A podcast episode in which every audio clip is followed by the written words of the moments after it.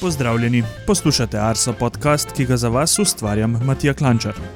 Poslušate 98. epizodo Arso podcasta, tokrat bomo aktualni na področju agrometeorologije. Gost Andreja Sušnik pove, kakšno je trenutno stanje doma in po svetu. Pogovarjava se tudi o pomladanskem prebujanju in še čem. Na naš podcast se še vedno lahko naročite. Poiščete nas lahko v vaši najljubši podcast aplikaciji ali na Spotifyju.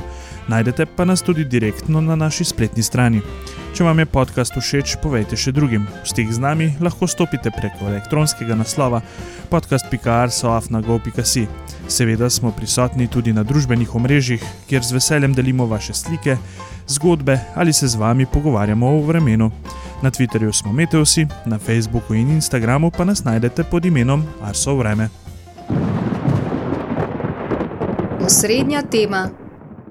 Dobro smo že vstopili v meteorološko pomlad. Vstop v koledarsko nas čaka v naslednjih dneh.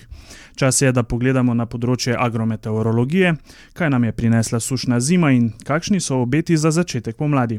Z mano v studiu je Andreja Sušnik, vodja oddelka za meteorološko podporo kmetijstvu. Zdravo, Andreja. Pozdravljeni. Andreja, najprej iskrene čestitke za prejem bronastega znaka strani civilne zaščite Republike Slovenije.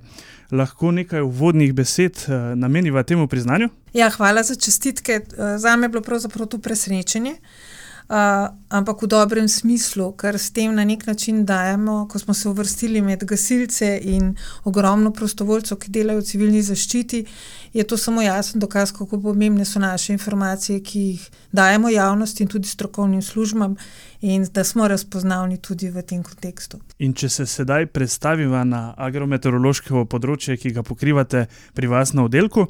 Eh, smo o suši v evropskem prostoru letošnje leto se začelo govoriti že o meteorološki zimi in številne države še vedno okrevajo po izjemni suši leta 2022 in je bila zima ključnega pomena za izboljšanje vodno-bilančnih razmer in pa obnovitev vodnih zalog. Pa smo vseeno tudi v teh zimskih mesecih uh, slišali kar nekaj novic v povezavi z zimsko sušo. Kaj se je dogajalo? Ja, res je. Večino, zelo smo računali, da bo stanje v Evropi, ne po tej katastrofalni suši lanskega leta, zima prinesla olajšanje, pa ga vendar ni. Uh, se smo že konec februarja opazovali kar precej uh, zahodnoevropskega prostora, uh, prazne Beneške lagune, potem nizko gladino Gardskega jezera, potem slabo plovnost številnih evropskih vodotokov. Uh, Francozi so celo grozili, da, da prihaja še hujša suša, kot je bilo lansko leto. In vse to seveda daje jasno sporočilo, ne, da nam zimski čas ni prinesel uh, zadosti padavin, tudi snežnih ne, se je bila večina marskega prostora imela polovično uh, višino snežne odeje, ne, to pa seveda pomeni, da je bilo slabše napajanje podzemne vode, da določeni vodotoki nimajo uh, normalnih pretokov in seveda to tudi ni dobra popotnica za vegetacijsko sezono. Je zaskrbljujoče tudi mogoče kje druge po Evropi? Ja, mogoče zanimivo je tudi, da naprimer tudi take, bomo rekli, padavinsko bogate države, kot je Severna Evropa, ne, trenutno se sooča z izjemno sušo že v tem letnem času. In naprimer Irska je v rdečih številkah, oziroma v rdeče obarvana v sušomeru, njihovem sušomeru, prav tako Anglija. Uh, kar pomeni, da niti en del Evrope ni več imun na težave s sušo, očitno tudi v zimskem času. Ja, tudi pri nas budno spremljamo razvoj sušnih razmer in pa stanje vodne bilance s sušomerom, ki si ga že omenila, kjer določene regije že kažejo odklone od povprečnih razmer v sušno smer. Res je, kar nas je zaskrbelo že takoj v začetku letošnjega leta, da so se nekatere regije v Sloveniji že obarvale v tako imenovano oranžno cono, ne, ki kar kaže, da smo imeli ponekod že sušne razmere. Ne. To je predvsem v tistih regijah, kjer uh, ni bilo snežne odeje, ne, ki bi vsaj delno oskrbela površinski sloj uh, tal z vlago. Uh, Imeli smo pa tudi težave, da je uh, določen del uh, tudi se obarval v oranžne, tudi v podzemnem delu, ne, ta zgornja uh, Savska regija ne, je težave imela v podzemnih rezervarjih že januarja, k sreči pa potem malo padavin in tudi nekaj sneg je za, zadevo za kratek čas tudi nekoliko umilil. Tako na družbenih omrežjih, kot na naši spletni strani smo že pisali o tem, kakšna je bila zima. Po pretoplem in padavinsko izdatnem januarju je sledil topov in presuh februar. Kakšne pa so kaj trenutne sušne razmere v površinskem sloju tal? Ja, eh, pravzaprav, kar nas trenutno, na zadnji sušomer je bil zdan 9. marca, ne, to se pravi, marčevski podatki sušomerja kažejo, ne, da je eh, Goriška regija obarvana oranžno, kar pomeni, da imamo tam že uh, zelo sušne razmere.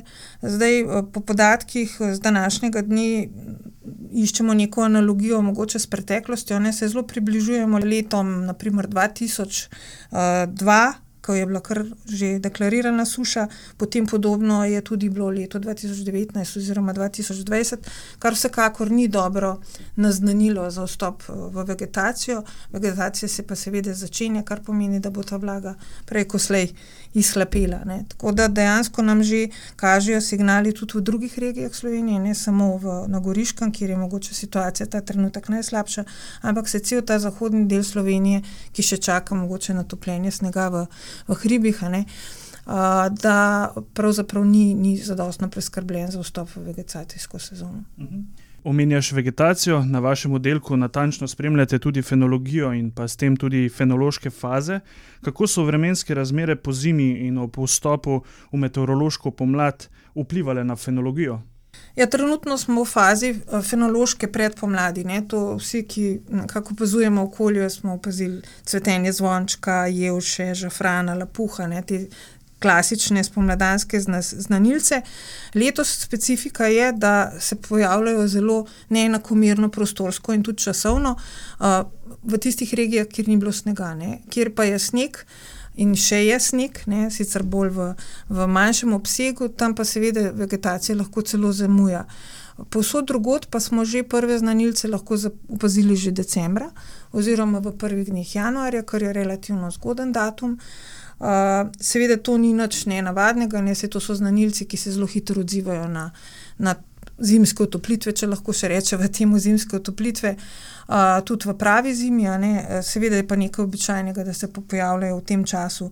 Uh, tako da pravzaprav je zelo raznoliko po, po Sloveniji. Ne, ponekod so nam uh, cvetove zvončkov pošiljali že v, v božičnem času, no, ponekod druge pa masovno cvetijo zdaj. Uh, seveda, naprimer, mogoče še ena taka dost razširjena vrsta je leska. Ne, tudi leska je zacvetila zelo zgodaj, ob tisti res nadpoprečno topli začetku februarja, ne, potem pa zaradi tega izmenjave toplih in hladnih obdobij, oziroma hladnega obdobja, ki je prišel v februarju je pa seveda za kratek čas zaustavila to cvetenje, zdaj pa seveda spet uh, ponovno cveti ali od cveta, uh, vendar tisti cvetovi, ki so pač jih potem požgali, uh, mrzli vdori hladnega zraka, ne, takrat z teh cvetov lešnikov letos ne bo. Iz oddelka večkrat omenjate tudi akumulirano toploto za rastline.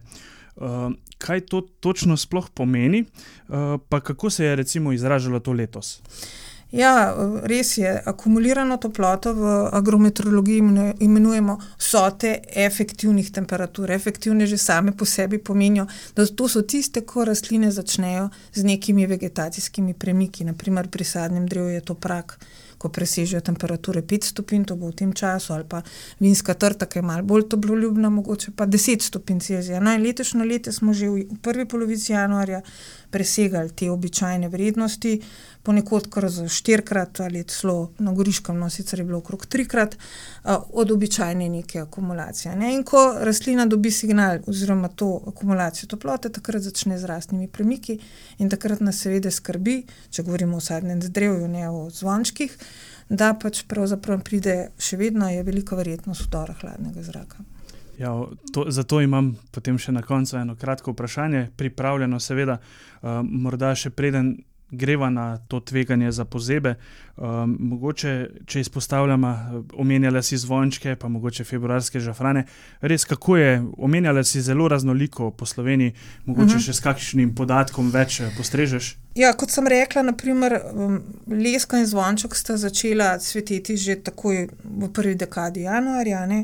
In to je bilo, naprimer, precej pred dolgoletnim poprečjem. Če govorimo mogoče samo za Ljubljani, je običajno tam nekje 21. februarja oziroma tam zadnja dekada februarja. Uh, tako da to je zgodno.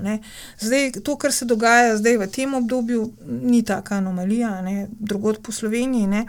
Uh, vendar, naprimer pri Žafranu, no, ki si ga omenjali, smo ga pa zabeležili šele ob koncu februarja, ne, tako da marsikdo je lahko ukomponiral šopek za mamico ob dnevu žena. Uh, to pa je bilo pravzaprav nekje ob drugi, koncu druge dekade februarja, ne, kar je bilo le rahu odmik od nekega dolgoletnega uh, povprečja. Seveda, kot pa reč, sem že rekla na začetku, ne, da so te prostorske stvari zelo odvisne tudi od tega, ali imamo snežni pokrov oziroma prevetrenost in kaj drugega, oziroma lokalnega okolja. Tako kot sem že nakazal pred, pred časom, ne moremo se izogniti vprašanju, kaj lahko ta prezgodni razvoj pomeni za naprej verjetno tveganje za pozebo tudi letos večji. Ja, to je kar težka izjava, da bi rekla, da, uh, vendar nas je tudi tega strah. No, če gledamo samo mogoče, da se ozremo na primorsko, ne, kjer so pravzaprav pomladanski premiki, kljub samo najbolj zgodni, trenutno cveti mandljevski, po naših podatkih cveti nekje deset dni bolj zgodaj kot običajno. Začele so se, začele so se tudi fazi pri breskvah in marelicah. In seveda, eh, kot napovedujemo, ne, od nek, prihodnjih dneh še vedno jutra so lahko kar precej hladna. In zdaj, če se bo ta. Popodnevi so pa tople, kar pomeni, da je vegetacija dobila svoj zagon in v toplih popodnevih se seveda lahko začnejo odpirati tudi cvetovi in seveda vdor hladnega zraka, pa odprt svet pa vedno uh, povzroči skrb, da je tveganje za pozebo tu. Seveda je do tistih pravih polnega cvetenja smo še daleč, pa vendar ne popotnica. Uh, Že začetki signalizirajo, da, da je treba biti temu, uh, na to pripravljena, ne? in uh, mislim, da bo tudi letošnje leto tako. Mogoče kaj sploh lahko naredimo, kot posamezniki, če se ukvarjamo mogoče s takšnimi stvarmi? Ja, mislim, prva stvar je zaščita.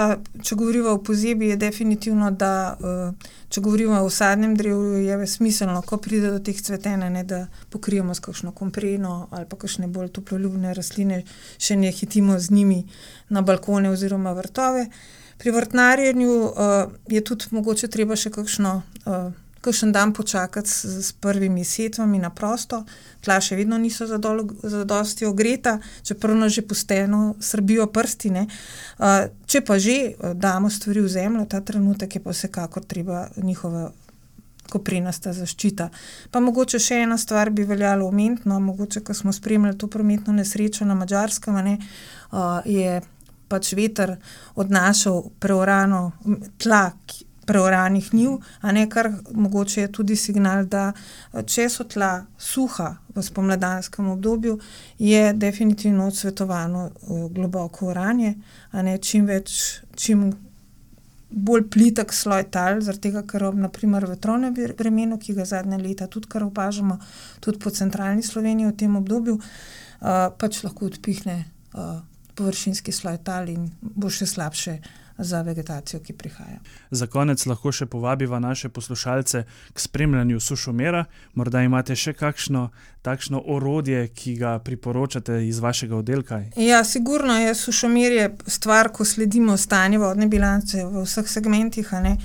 Definitivno je pa v, v, na področju pridelave rastlin pa pomembno omeniti tudi to, ne, da če se že lotimo zalivanja, je tudi zalivati potrebno previdno oziroma optimalno, sploh po izkušnjah, ki smo jih imeli lansko leto, ko tudi če imamo vodo, ni rečeno, da bomo lahko zalivali.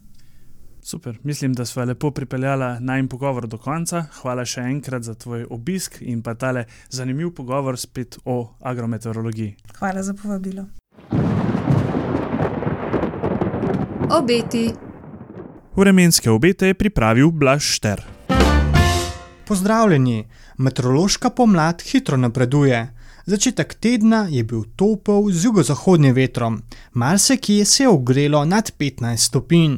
Danes po noči pa nas je prešla hladna fronta, zlasti v višinah je ohladitev izrazita, temperatura je padla tudi za 10 stopinj.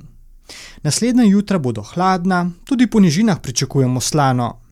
Današnji dan bo v znamenju razjasnitve. Na modrem nebu bo čez dan nastajala kopasta oblačnost. Popovdne lahko zaradi hladnega zraka v višinah nastane tudi kakšna manjša ploha. Pihal bo severnik, na primorskem burja.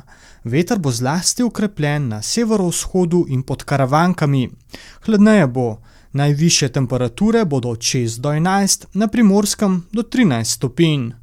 V nadaljevanju tedna bomo bolj ali manj pod vplivom anticiklona, ki bo sprva v bližini naših krajev, potem pa se bo pomaknil nad vzhodno Evropo.